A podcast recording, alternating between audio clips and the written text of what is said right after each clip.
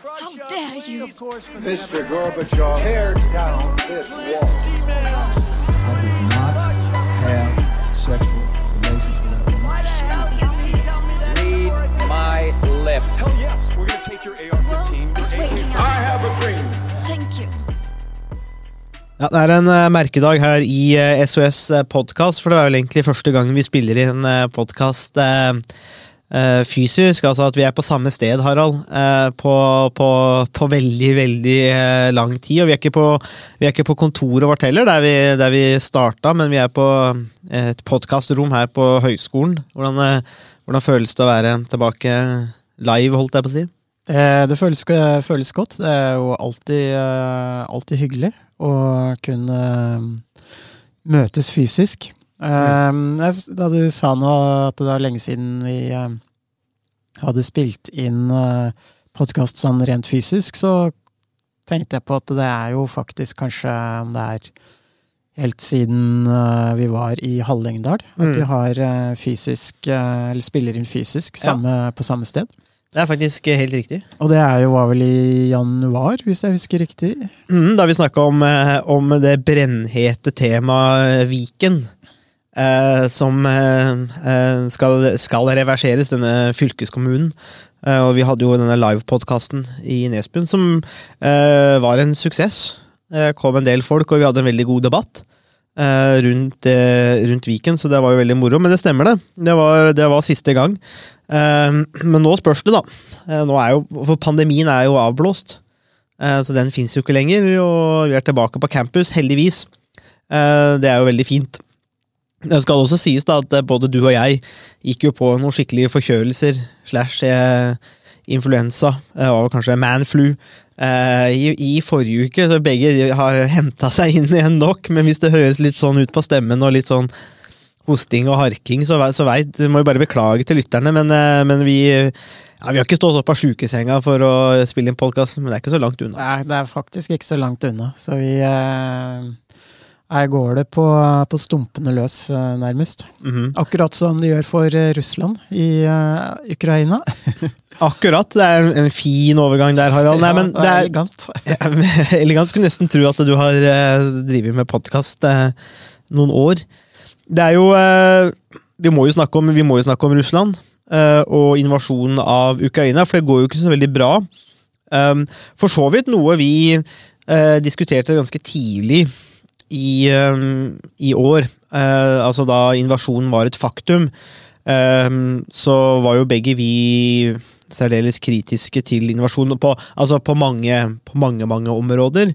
Eh, men jeg husker du stilte i hvert fall spørsmålet om eh, måtte, hva, hva er det egentlig Putin skal oppnå her? Altså, om man går til krig og bomber et land sønder og sammen, som man så skal gjøre om til en del av riket, så er jo, virker det som en slags merkelig policy å ødelegge et land og drepe masse folk og miste mange mennesker, eh, for å så bygge det opp igjen. Det er jo veldig dyrt og veldig ineffektivt og lite hensiktsmessig, så jeg husker du reiste jo den eller reiste den bekymringen der, eller innsigelsen mot, eh, mot krigen. Og, Uh, og det var jo my, mye annet som vi snakka om òg, at, uh, at krig er jo ikke fryktelig enkelt. Altså, en grunn til at man at krig, sånn storskala-krig som vi ser nå, har vært blitt langt på vei ansett som lite trolig da, i internasjonal politikk, er jo nettopp fordi det du ser nå. altså Det er ufattelig kostbart. Det er vanskelig å skulle invadere et land. Eh, og det har en, en hel rekke konsekvenser. og mm, Ikke at vi kunne spå sånn, men vi var litt inne på det der, Harald. Og det, det, det, det bærer jo den veien, da. Ja, eh, det, det gjør det. Eh, man- ser veldig tydelig hvor lite gjennomtenkt um, krigen eh, til, til Russland uh, har vært. Uh, Og det er bare enda mer tydelig nå, uh, rundt syv måneder etter at invasjonen startet, at det ikke var noen plan B. Mm. Og Russ, Russland har endt opp i den såkalte hengemyra, hvor de ikke eh, har gjort noe framskritt. De har istedenfor eh, eh, tapt eh, ganske stort eh, Store arealer de siste, siste ukene. Mm. Eh, og de eh, ser ut til å, å være ganske tydelig på, på defensiven. Eh, og noen av de arealene og områdene som de har eh, nettopp har mistet, brukte de jo ukevis, nesten månedsvis på å um, erobre, og så har de klart å miste Mm. deler av de områdene i løpet av noen få eh, dager. Mm. Det er jo eh, det er jo det vi har sett, den eh, enorme Hva skal vi si Det har det har på en måte dette så sammen, forsyningsmessig, morals, moral Når det kommer på, på kampmoral, og ikke minst det taktiske og det materielle. Jeg så en, en studie, en militærstudie som indikerte at eh, at eh, mellom 140 til 160 dager så når soldater eh, sin eh, mest effektive Det er der de er mest effektive. Eh, og, og det er på en måte toppen. Og etter, etter et sted mellom 140 og 160 dager så viser studier at da faller effektiviteten til soldatene. Og det, det har med å gjøre med både moral, at man har vært eh, lenge ute eh, og blitt beskutt og, og, og rett og slett drevet krig. Da. Eh, og krig er jo ikke naturlig for mennesker. Eh, Det er jo derfor vi har militære, for eksempel, til å trene oss opp til å faktisk kunne drepe andre mennesker. Hadde det vært naturlig, så hadde man jo ikke trengt alle disse drillene og indoktrineringen som man, som man gjør. Eh, slik at krig tar jo på eh, for folk. Og da ser man at etter disse dagene, da, etter denne perioden, så faller det veldig, og så tar det en stund for soldater å rett og slett hente seg inn igjen. Eh, og da må du rotere før du kan få de ut igjen. Og, eh, og når du da har mista så mange, da, som man har gjort i Russland, så ser man jo også resultatene da, av at en 1000 km lang frontlinje er veldig vanskelig å skulle forsvare. Troppene begynner å bli slitne. De har eh, antageligvis hatt det dårlig med mat, forsyninger og restitusjon. Eh, og så føler du at du, du taper. Altså, Du mister områder, og det ser du jo. Du blir jo drevet vekk fra der du en gang var. Altså, du, hadde, du var på en måte på offensiven, nå er du på defensiven. og Det gjør jo veldig mye, mye med moralen. og Det var jo det er jo av disse grunnene jeg tenker at også at Putin håpa på denne spesialmilitære operasjonen sin som skulle vare veldig kort tid, fordi at eh, belastningen ved militære operasjoner er veldig stor. Eh, men det er jo derfor du gjerne vil at det skal nedskaleres eller skje så raskt som overhodet mulig. Mens nå så har jo på en måte krigens fulle kostnad da, blitt sendt over på det russiske samfunnet. og eh, Det ser vi jo kanskje nå mest, Harald, med denne mobiliseringen av 300 000 nye. Og hvordan de dytter dette ut på Det blir spennende å se hvordan dette her skjer, vil, eh, vil bli mottatt i Russland. Vi ser jo for så vidt videoer av demonstrasjoner allerede. Um, skal jo alltid ta en med en viss klype salt, men, men, men eh, det er vanskelig for Putin nå å selge argumentet om spesial militær operasjon, eh, og plutselig skulle mobilisere eh, flere hundre tusen og begynne å true andre land med atomvåpen. Da har man på en måte nådd et nytt punkt. Jeg tenker dette er vel egentlig et av de klareste signalene på mislykka politisk strategi. Altså failed politics er vel egentlig det vi ser nå fra Putin. Ja, på, på alle områder. eh, og eh, mange har jo spekulert i om det her er eh, begynnelsen på slutten for Pu- Putin også. Og det kan det Det kan det jo godt være. Selve invasjonen har jo vært mislykka, og Putin fikk jo også en del kjeft av både India, Kina og andre eh, statsledere i forrige uke på et eh, toppmøte i Samarkand. Eh, og dermed så var det også litt overraskende at Putin istedenfor å finne en løsning på hvordan man kan trekke seg ut av Ukraina, eller finne en, en løsning som man ikke taper altfor mye ansikt, istedenfor bare satser alt eh, på å, å vinne med den, egentlig den samme strategien som det han brukte da han eh, startet invasjonen i, eh, i februar. Mm. Eh, For det som eh, Russland gjør nå, eh, ved å mm, innføre en eh, delvis eh, mobilisering, er at de, de får tilgang til eh, flere styrker. Eh, Og mm, det har vært opp mot, eh, sagt at man skal kalle inn opp mot eh, 300 000 eh, soldater, eh, eller reserv, reservister, eh, de, de neste månedene. Eh, Og man tror at ved å pøse på med flere soldater, så vil man løse logistikkproblemene og forsyningsproblemene. Men man kan jo ofte tenke seg at hvis man har problemer med å forsyne et sted mellom 100 og 200 000 soldater med våpen, ammunisjon og eh, mat og klær og alt eh, de trenger, eh, så vil jo de problemene bare øke nærmest eksponen eksponentielt dersom man skal forsyne 300 000-400 000 soldater med de samme type forsyningene. Eh, og med færre områder eh, så, som Russland kontrollerer, så betyr det jo også færre jernbanestrekninger som de kan kontrollere. Eh, Som de er helt avhengig av for å få logistikken til å, til å gå opp. Eh, Så det som er overraskende med mobiliseringen, er jo at man fortsetter med den samme strategien som ikke har fungert. Eh, Og man fortsetter som om ingenting har hendt. Mm. Så er det også mye rart med retorikken og propagandaen som er kommet fra, fra Russland de siste timene og, og dagene.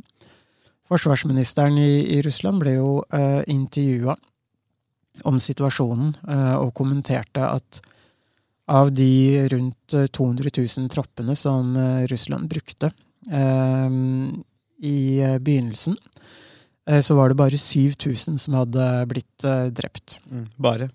Eh, ja. Eh, og så hadde Russland eh, drept omtrent ti ganger så mange eh, ukrainske Mm. soldater. Og hvis det var sant, så ville det jo ikke vært nødvendig med noen mobilisering i det hele tatt. Mm. For da ville de nesten da 200 000 eh, russiske styrkene være sterke nok eh, til eh, å slå tilbake mot, eh, mot Ukraina, hvis de hadde klart å, Mm. å drepe eh, så mange ukrainske soldater med så lave tap på russisk side. Mm. Eh, det er interessant liksom, hvor, hvor bare hvor åpenbar eh, løgn og eh, hvor, hvor ingenting henger på greip eh, i det hele tatt. Men, men løgn og eh, illusjoner ser ut til å være den bærende valutaen i, i det russiske samfunnet, eller i hvert fall i det russiske politiske systemet. Ja. Eh, det, det er det på alle måter. Det er korrupsjon. Eh, Masse korrupsjon i eh, Spesielt i, i militæret har det jo vært fokus på nå de siste, siste månedene. Eh, hvor Russland ikke har hatt utstyr som har holdt eh, i det hele tatt, og hvor de har måttet eh, eh, slakte lastebiler og ta reservedeler fra, slakt, fra la, lastebiler og stridsvogner for å holde i gang de andre andre lastebilene, eller resten av lastebilene som, som ikke har brutt sammen, osv. Så, Mm. Eh, så eh, det er mange eksempler på mm, eh, løgn, korrupsjon, eh, og hvor det er et ganske gjennområttent eh, system. Men det er, ikke- det er jo ikke overraskende på en måte, for hvis man, eh, hvis man studerer politisk teori, eller, eh, og, og sånn som i komparativ politikk, hvor man gjerne ser på ulike styreformer, og vi har vært innom på det her i podkasten før, men la oss bare gjenta det, at, at eh, noe av det som ofte kjennetegner autoritære regimer, eh, og systemer med, altså, med altså diktatur, er jo ofte denne at eh, man får denne kulturen og kanskje kulten rundt den sterke lederen, hvor heller ingen kritiske stemmer når inn. Eh, man får ikke den nødvendige informasjon, fordi at eh, kritisk informasjon eller kritikk av lederen kan bli sanksjonert med død, fengsel, straff, miste privilegier. Så insentivet er på en måte bare å jatte med. Eh, fordi da overlever man i systemet, istedenfor å snakke realitetene, da, eller snakke faktaene. Um, og, og man får denne kulten rundt lederen, og det er jo noe, noe det, av det man eh, ser på som kjennetegn ved disse autoritære regimene. Og, og vi ser det jo nå i Russland òg, eh, rundt Putin, at eh, antageligvis Vi har ingen av oss som er i Kremlin, selvsagt, men, men, men det, er jo, det er jo åpenbart at, eh, at eh, her, her svikter det på en del på informasjon. Um, og kritisk tenkning, for å si det på den måten. Og så var jo du, husker jeg du sa, nevnte i, i våre så, disse ryktene som da gikk om, om denne korrupsjonen i Russland. Hvor man på en måte hadde satt på billigere deler altså på, på de ulike militære kjøretøyene enn det som egentlig var bestilt. Eh, og på den måten så kunne man da på en måte eh, eh, tilrane seg, eh, karre til seg, noe av de ressursene som gikk, skulle egentlig gå til militært utstyr. Og, og dermed har, har måte korrupsjonen underminert denne invasjonen langt på vei, da, eh, på, på det settet der. Så det, det jo det, det er jo ikke, egentlig ikke så overraskende det vi ser nå, og hvorfor det har blitt sånn, hvis vi følger eh, måte, klassisk statsvitenskapelig tenkning. Da, for det er jo dette man, man advarer mot, og det er ofte det vi har snakka om òg. At fordelen som man ofte anser i demokratiske systemer, er jo det at det, det fungerer på en annen måte, og det er andre måter å sanksjonere eller korrigere den type atferd, og en statsminister eller andre for, for, vil være begrensa av eh, andre mekanismer.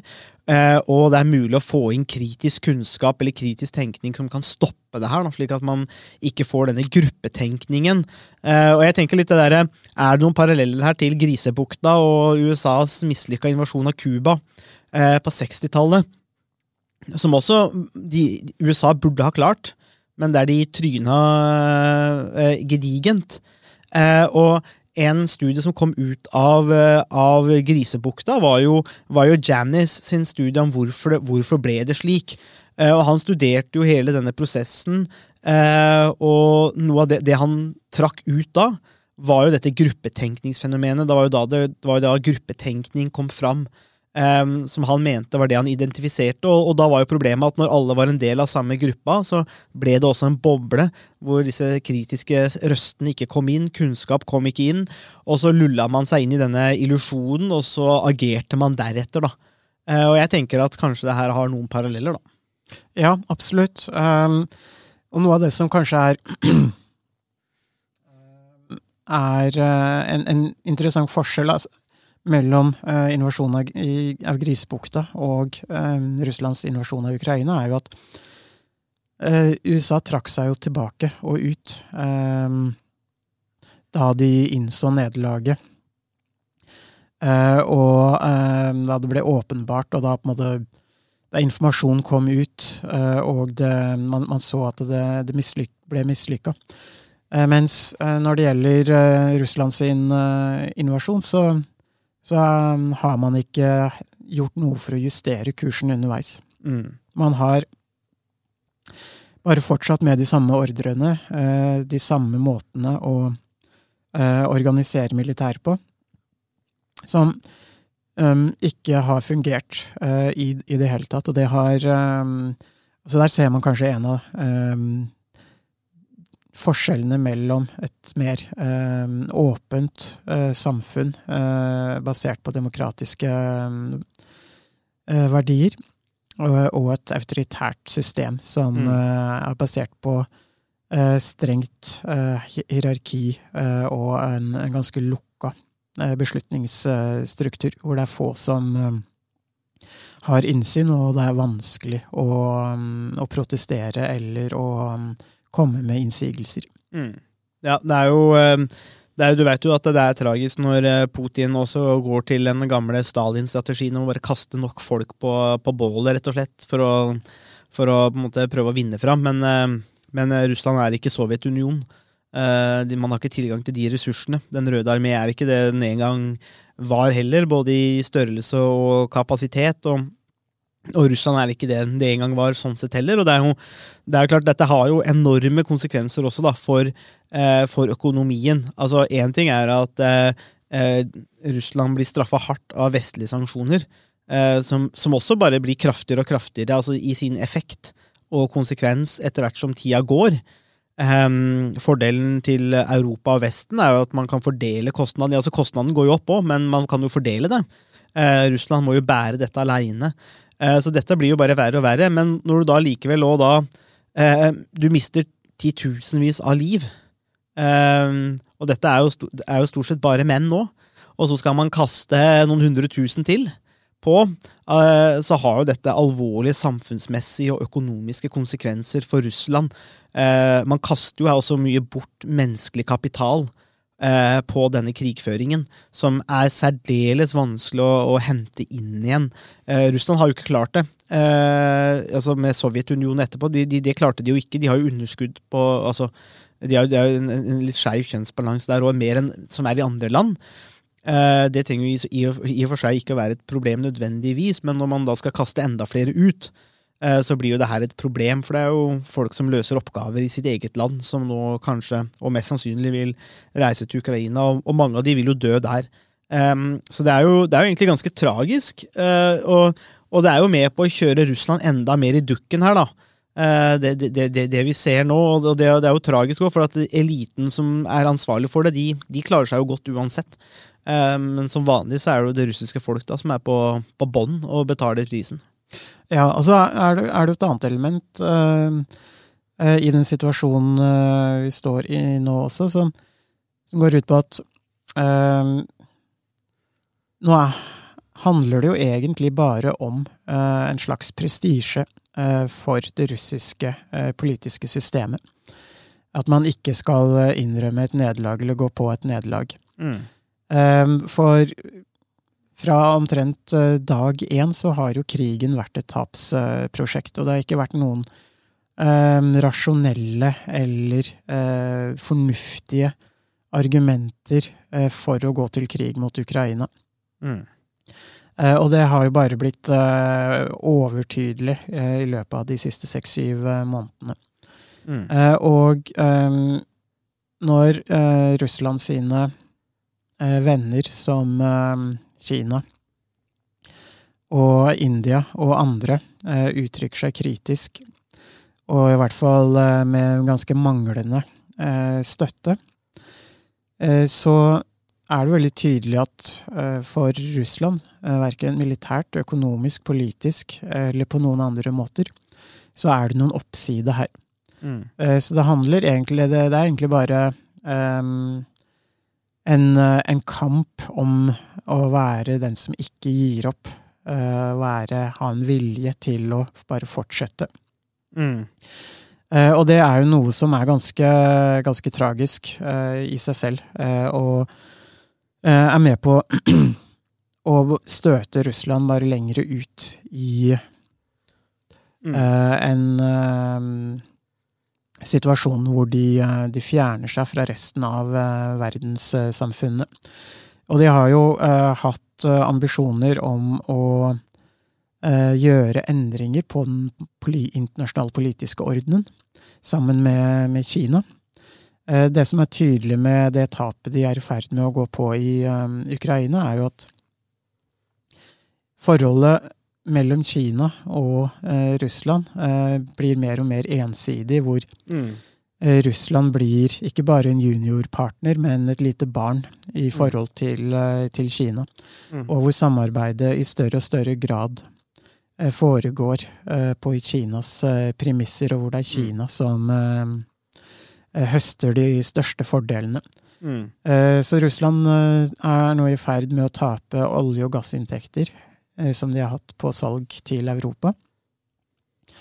Og delvis kunne erstatte de inntektene med salg av kull og olje og gass til, til Kina, eh, og også India, men da til mye lavere priser enn eh, det de kunne få eh, ved å selge den eh, eh, gassen og, den, eh, den oljen til, eh, til Europa. Og I tillegg så er det ofte forbundet med høyere kostnader og lengre transport. Mm. Så for Kina så er, eller for Russland så er det en, eh, en ganske dårlig situasjon eh, økonomisk. Mm. De, de, de har, for de har jo på en måte kunnet i flere år i hvert fall gi inntrykk av å være en stormakt slash supermakt, og de har jo atomvåpen, så til en viss grad så vil de jo være det, men, men de har på en måte kunnet agere som om de er veldig sterke og store og mektige og har mye å komme med, og så går de på denne smellen nå i Ukraina. Eh, og så sitter du egentlig altså Resultatet er jo på en måte at du ja, du sitter jo med et, eh, et, et, et inntrykk hvor måte, det er jo ingen som er redd. Altså, de kunne jo på en måte snakke i Nato om på en måte hva er egentlig trusselen fra en invasjon fra Russland, men det har man jo sett i, i Ukraina nå, at eh, de ville jo ikke hatt sjanse til noe som helst. Altså, det, er, det er egentlig veldig latterlige greier. Stakkarslige greier, egentlig. Eh, når, du, når, når det kommer til alt. Det er bare det at konsekvensen er dessverre så stor, da, eh, og så kostbar for så mange. og har fått disse eh, Når man henspiller til, til disse atomvåpnene, så er det på en måte, da er man jo på siste. Eh, siste argument, holdt jeg på å si. og Siste forsvar er man desperat. Men det som også er litt morsomt der, da, det er jo det at eh, midt oppi alt det her, da, eh, med den autoritære Putin, lumske Putin, og hans kompanjonger, så skal de insistere på å gjennomføre em, folkeavstemning i, i, eh, i, i noen av disse regionene da, i Ukraina. Eh, For av en eller annen merkelig grunn så er der er demokrati veldig viktig. Eh, det, det, det, denne invasjonen blir på en måte ført for at eh, om, folk i noen områder skal få lov til å gjennomføre en folkeavstemning på om de vil inn i Russland. Så det er en slags merkelig greie i Russland nå. Altså, jeg veit ikke de, hvor dumme de tror folk er, men på måte, det å gå til krig Eh, og så åpne opp for en eh, folkeavstemning i de områdene for å på måte, inkludere de i, sin, i, i sitt eget territorium. Det er jo altså det er nesten så dumt at det det er vanskelig å tro det, men det er søren meg det de driver med. Ja.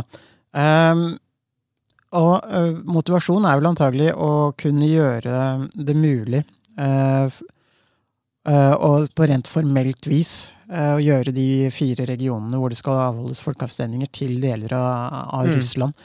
Eh, og um, det er jo også interessant at uh, da det her ble annonsert på russisk TV, så uh, var det ikke noe spørsmål om de ville stemme ja eller nei. Det Mhm. ble bare sagt at de vil, det vil komme fire nye provinser eller uh, Mm. deler eh, til, til Russland i løpet av neste uke.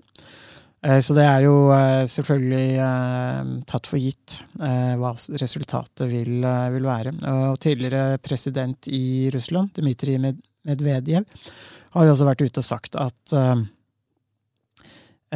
Russland kan kunne bruke atomvåpen for å forsvare de nye Ja. territoriene. Det er jo det som er Jeg har sett flere av på at i Russlands si, lovverk så er det jo en stipulasjon der om at eh, atomvåpen kan brukes for å forsvare grensene, altså det offisielle Russland. Og hvis man da får annektert disse områdene eh, og sier at det er en del av vårt territorium, så har man på en måte et, et slags formelt grunnlag, juridisk grunnlag til å faktisk kunne bruke atomvåpen. Da. Det er jo ja, det er, jo- det er jo særdeles skummelt, men igjen, da. Altså, jeg, jeg, jeg, skjønner, jeg skjønner hvor de vil. Altså, jeg skjønner rasjonaliteten bak det, men det er jo fortsatt fantastisk enkel tankegang, og fordummende. Ja, øh, og En annen ting som vi har vært inne på tidligere, er jo hvordan øh, den såkalte realismeskolen i internasjonal politikk øh, har argumentert for at krigen har vært uunngåelig fordi Russland har hatt sett på, på Ukraina som en buffer mellom øh, Nato og sitt eget land, at de vil øh, unngå ukrainsk eh, Nato-medlemskap, eh, blant annet. Eh, og det har vært mye debatt eh, helt siden krigen brøt ut, om realismeskolen har hatt en viss eh, Har hatt rett i sine, sitt syn om at krigen var uunngåelig, og at eh, dette var et, et resultat av maktpolitikk mellom, eh, mellom stormakter. Og når man ser utviklingen eh, i sommer og i høst, så kan man vel kanskje trekke, også trekke den slutningen at realismeskolen sin, eh, sitt perspektiv eh, kanskje har blitt ytterligere svekka Mm. av den utviklingen man har sett, hvor eh, argumentene fra russisk side eh, i veldig liten grad handler om legitime eh, legitime behov for eh, sikkerhet, eh, men isteden fokuserer på eh, eh, behovet for å kvitte seg med et såkalt nynazistisk regime i Ukraina osv. Mm. Eh, og det er- jo helt åpenbart at legitime forsvars- og sikkerhetsbehov eh, har betydning for et lands utenrikspolitikk og forsvarspolitikk. Eh, og dersom man hadde gode argumenter om eh, et eh, sikkerhetsbehov, så ville man kunne brukt de argumentene i, en, i både diplomatiske forhandlinger og i eh, medieutspill og retorikk og propaganda som man produserte fra russisk side. Men istedenfor så snakker man om helt grunnløse folkemord på russiske russisktalende eh, minoriteter i Ukraina og et eh, nynazistisk regime i Ukraina som ikke har noe hold i, eh, i virkeligheten. Mm. Eh, Så det er en total eh, frakobling eh, fra det som er på en måte skulle vært de argumentene, hvis, Mm. det, hvis det hadde vært snakk om sikkerhetspolitiske eh, hensyn som var, eh, lå til grunn for, eh, for invasjonen. Men det er totalt fraværende, og har vært det veldig lenge. Og det gjør jo også at øh, det kan hende øh, realismeskolen eh, hadde rett i at krigen var uunngåelig. Men hvis den var uunngåelig, så var det ikke for de eh, argumentene eller grunnene som de eh, i så fall har kommet med. For argumentene som eh, sikkerhet eh, har jo vært totalt fraværende. Isteden har det vært vikarierende argument som ikke har hatt noe, Mm. noe feste i virkeligheten i det hele tatt. Mm. Det er jo der eh, Det er klart det er jo der eh, russerne vil si at eh, du er lurt eller manipulert av en vestlig agenda, Harald.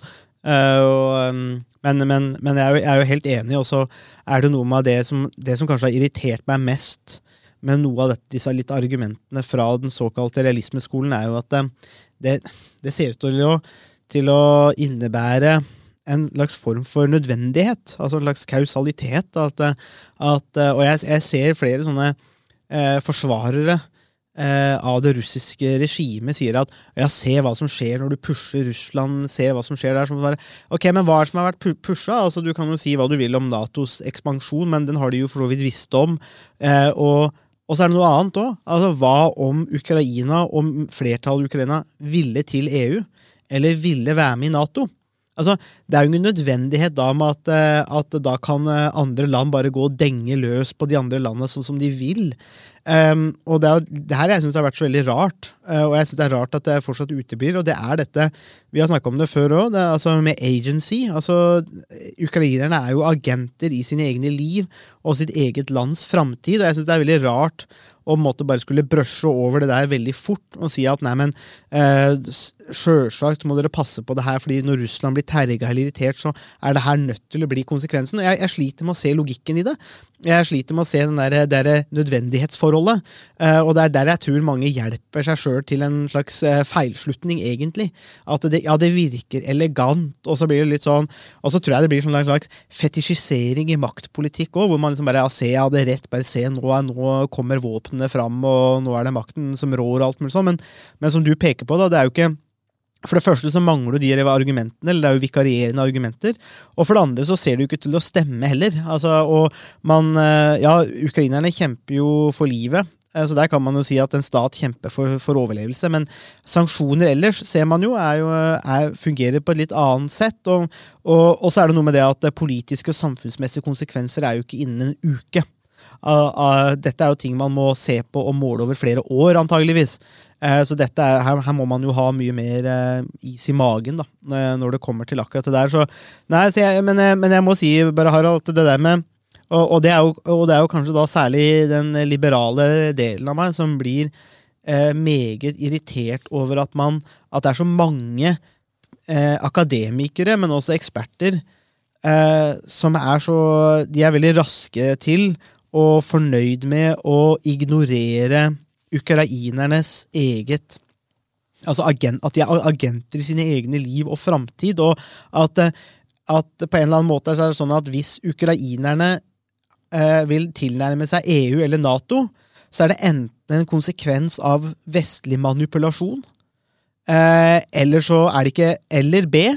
det betyr ikke noe i det hele tatt, fordi at de skal bare være en slags bonde på sjakkbrettet mellom Russland og Vesten. og det, Jeg, jeg, jeg syns det er veldig rart, eh, hvert fall, eh, men det er jo kanskje fra et sånn li, særlig liberalt standpunkt, men jeg syns det er veldig rart uansett. da. Ja.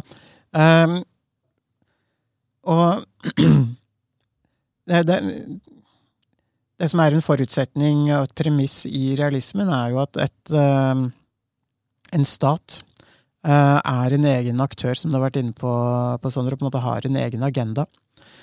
Eh, og det betyr jo også at, eh, som du var inne på, at Ukraina og andre land jo også, eh, er jo også agenter og aktører i, eh, i internasjonal eh, politikk.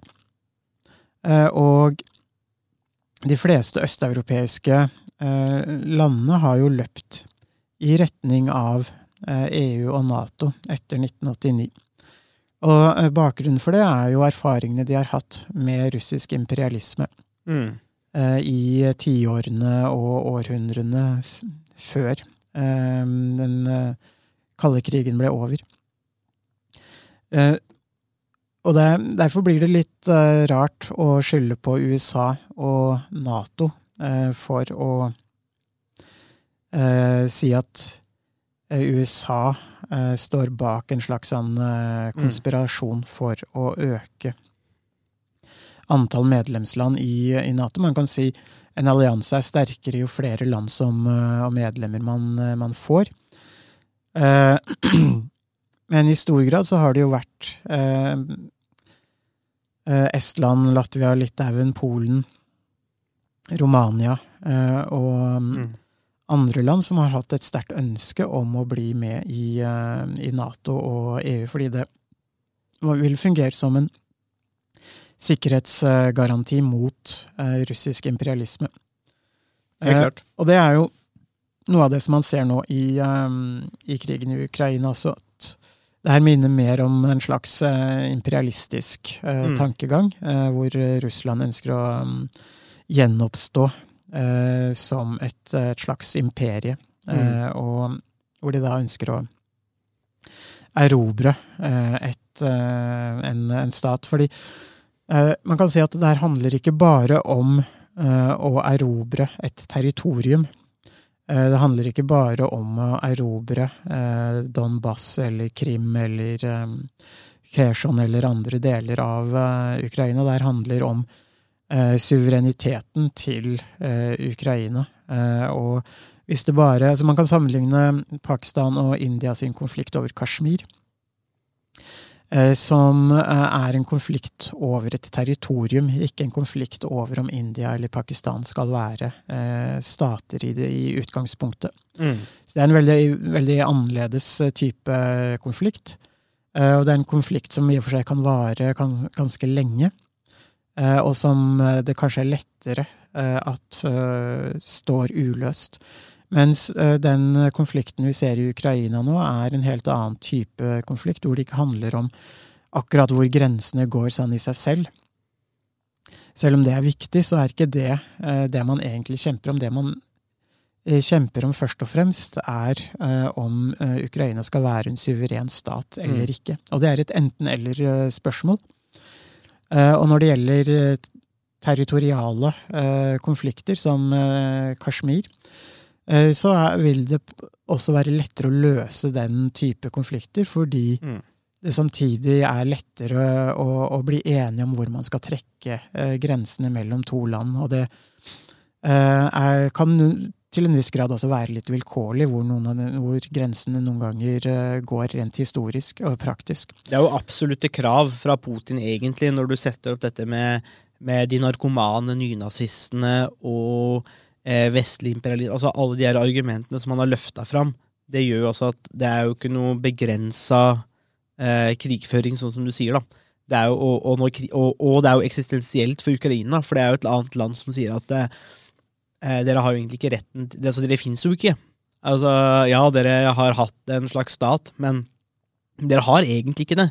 det så nå skal vi bare ta det vekk. Og det er eh, Da blir jo det blir veldig absolutte termer, eh, som man ikke kan eh, og, det er, og det er vanskelig å gå vekk fra, eh, sånn som du nevner, da. Eh, jeg, det er, det er, og dermed så blir det også vanskelig å deskalere, da. Eh, når man har malt seg opp i det hjørnet der. Ja, eh, i praksis så er jo det mm, har jo det vist seg eh, umulig. Fra Ukraina sin side så, så er det jo eh, absolutt eh, umulig, fordi det er et spørsmål om å overleve eller ikke. Mm. For Russland så er det i og for seg enklere, men de har jo malt seg inn i et hjørne som de ikke ønsker å bevege seg ut av. Men Mm. vi begynte jo med en sammenligning mellom Grisbukta, invasjonen av Grisbukta og krigen i Ukraina. Og en, man kan jo også si uh, at det er en annen uh, sammenligning man, som kan være eh, relevant i den sammenhengen her også.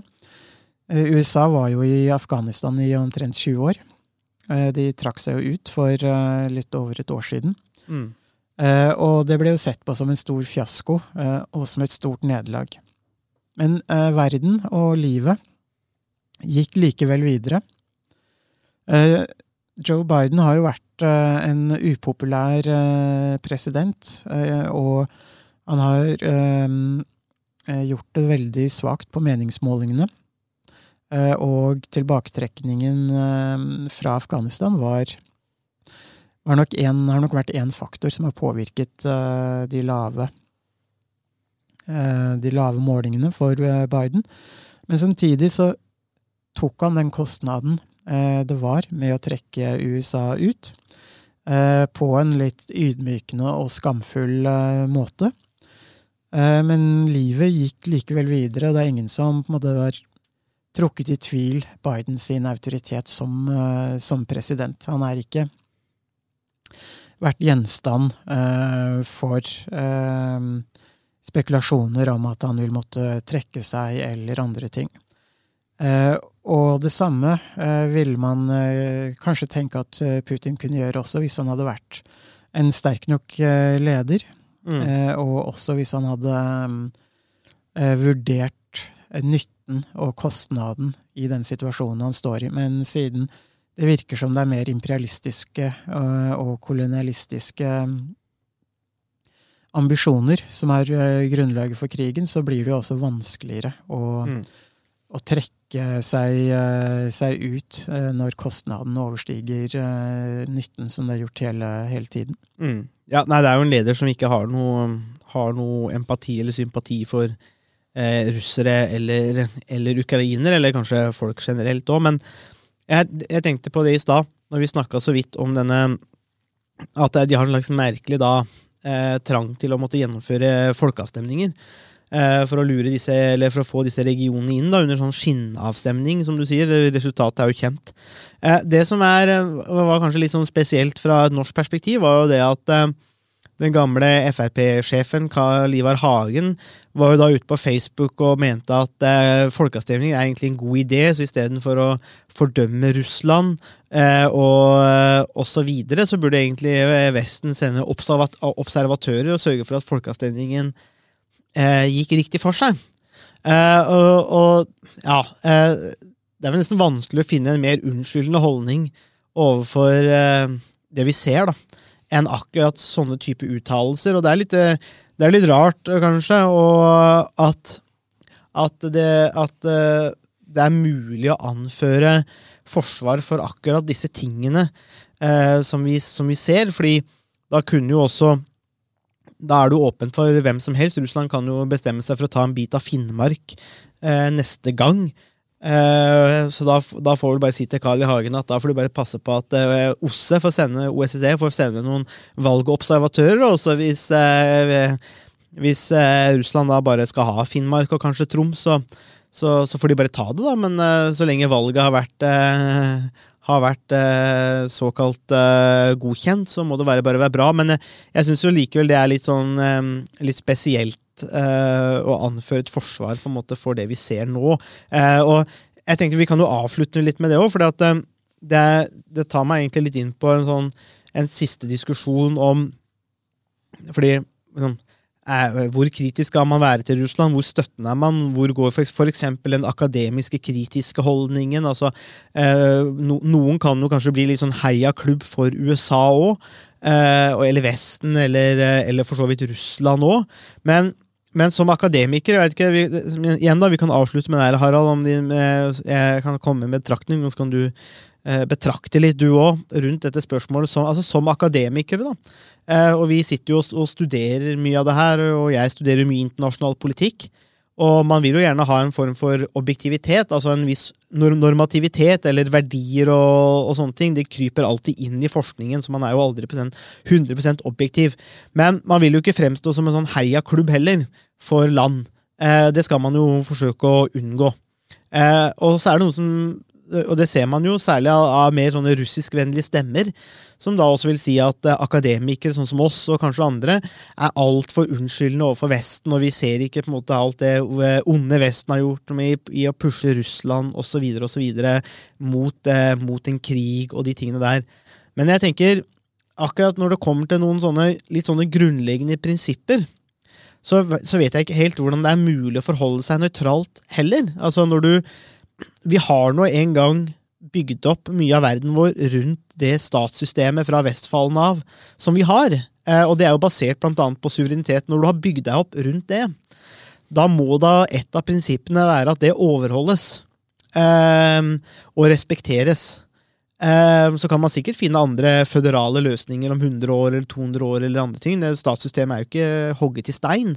Men, men jeg syns det er litt rart at en del kan ha en relativistisk holdning til disse prinsippene. Um, og, og, gudene vet jeg har vært særdeles kritisk til uh, USA og Nato og Norge i krigen mot terror, uh, og hvor vi har gjort fryktelig mye feil, uh, og sånne type ting. Så man må jo være kritisk, men jeg, men jeg, sliter likevel med å forstå hvorfor man skal være relativistisk i den sammenhengen her, da. Ja. Uh... det er ingen tvil om at krigen i Ukraina er en russisk angrepskrig. Eh, det var ingen eh, direkte eller indirekte trusler mot russisk suverenitet eh, i februar i, i år. Og det er kun Russland som har ansvaret for den situasjonen som, som har oppstått. Mm. Og det tenker jeg er noe som man ikke kommer utenom. Ut, uansett hva man tenker om eh, Vesten eller eh, Russland eller eh, mm. Østen eller resten eller hvilke andre deler man, av verden man er opptatt av. Mm. Og det er noe som er helt grunnleggende. Det var en russisk angrepskrig som var uten uten noe dekke Uh, uten, uten, at den var basert på noen trusler mot, uh, mot Russland. Uh, og, mm. og, det kommer man ikke unna. og hvis man ikke aksepterer de premissene, så er det også vanskelig å se hvordan man kan kan diskutere mm. en, en, slags Hva som kan være Eh, årsaker og løsninger på, på krigen. Uh, det, det, for meg i hvert fall så er det vanskelig å se hvordan man kan, uh, kan unngå det faktum at det var um, en russisk angrepskrig, og at det, det, meste følger derfra, uansett hva man mener om USA og andre, andre store stater. Mm. Så kan vi jo bare avslutte med Det var vel din favoritt, har han, Eh, Nicolo Machiavelli, som også en gang påpekte at eh, kriger er fryktelig enkle å starte, men de slutter ikke alltid når du, når du skulle ønske det. Takk for at eh, du hørte på Statsvitenskap og sånt. Har du spørsmål, kommentarer eller tilbakemelding, så er det bare å ta kontakt på vår Facebook-side, per e-post eller brevdue. Musikken er som vanlig laget av Robin Horvath, og Mats Halvorsen mikser og redigerer podkasten. Vi høres!